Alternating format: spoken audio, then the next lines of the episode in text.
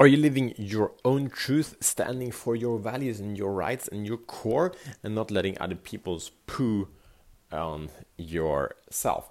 Okay, so today you will go away from this episode uh, with clarity how you can live your truth and really how you set your own standard for your own life and the small um, distinctions that make might keep you caught today and not living in power.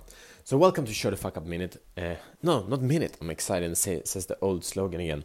Uh, welcome to Show the Fuck Up podcast. My name is Matt Fyron, and this show is for you and me that ready to free ourselves from the prison of playing small and unleash our personal greatness.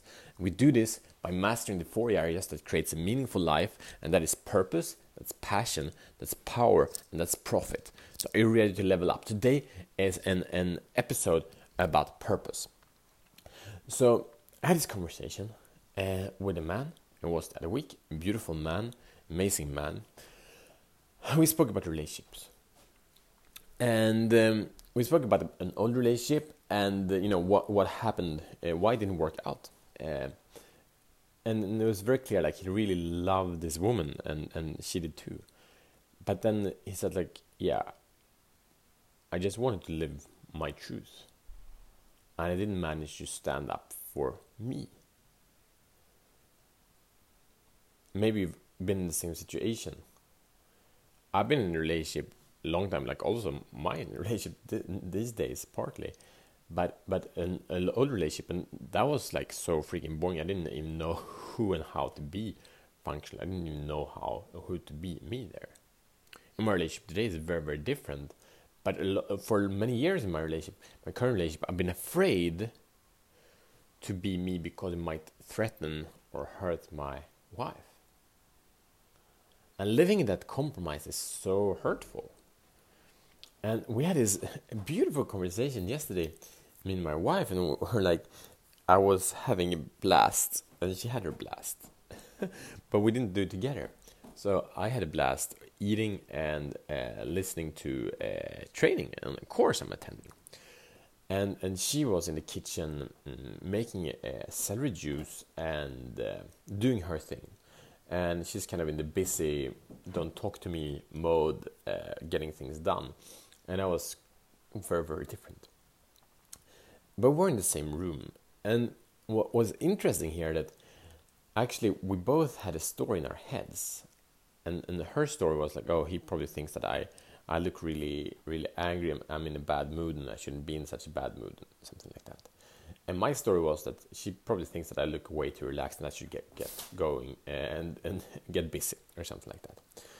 So, so these are stories that we were telling ourselves that, that actually came from our own um, doubt of being good enough and not being wanting to be judged for the other and by that, from through that story, we both re- realized that I, I had a thought of her. She like she should relax, she should enjoy herself, like a judgment, and she had a thought of of also what I also what I thought that that he should like he just sits around there. Why doesn't he kind of work harder, or something like that? So we both had these thoughts, but however, it started with the insight of ourselves, the worry of does he or does she think I am wrong right now?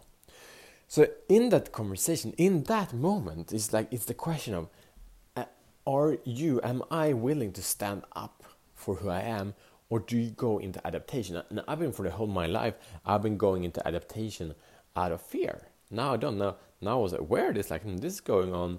It's like uh, I had my rules for like my my lunchtime, and like I kept those rules, and it was very clear and simple. And it was beautiful to have this conversation. There's no fear whatsoever about kind of asking confrontation or, or creating clarity. But, but the question here for you how does it look like when you stand up for yourself in your relationship? When you act out of fearlessness, out of fearlessness of not worrying if you're getting criticized or, or questioned or any of this, but like, this is me, I'm awesome, this is what I stand for, this might hurt you, this might trigger you, this might frustrate you, I love you, if it hurts you, I will support you, but I will not compromise on who I am. and I'm not allowing you to compromise who you are. These are powerful conversations. And we need to have them because if we don't, it leads to divorces, it leads to separations, it leads to a lot of hurt and pain anyway. Like there will be hurt and pain in your life, and it's freaking beautiful have it with the people that we love while we're in beautiful conversation with them. Because if we're not able, willing to have it with them, next time we get really close to someone, we will not be, have the courage to get it, have it with them either. So, all of us just want to live in the truth. We want to stand up for who we are. We want to fight for our own hearts, for our own minds. And it's a serious freaking fight. It's a serious fight. And when we do that beautifully, we can fight for the hearts of our loved ones, fight for their right to stand up. And that creates a beautiful environment. I'm just blessed to have that experience in my life for the ability and the transformation that happens in my family when I'm fighting for my wife's heart, when I'm fighting for my children's hearts. It's so, so beautiful. So, your mission, should you choose to accept it, is to check in. Uh, wh- what is your truth uh, in, in the closest relationship, and how can you stand up for who you are more? And I'm not talking about you need to get up in, and fight them, but to be really clear, this is me. These are my rules, these are my, my boundaries. Yeah? Get clarity on that. And if you want support with that, get a life master planner. You can get my support also if you want to get on the show. These shows will soon start having those where we do live coaching in these episodes. Those will be a bit longer and they will be spectacular. So again, get on this show then and, and send me an email at i at showtfup.com. See you tomorrow, Spider-Man.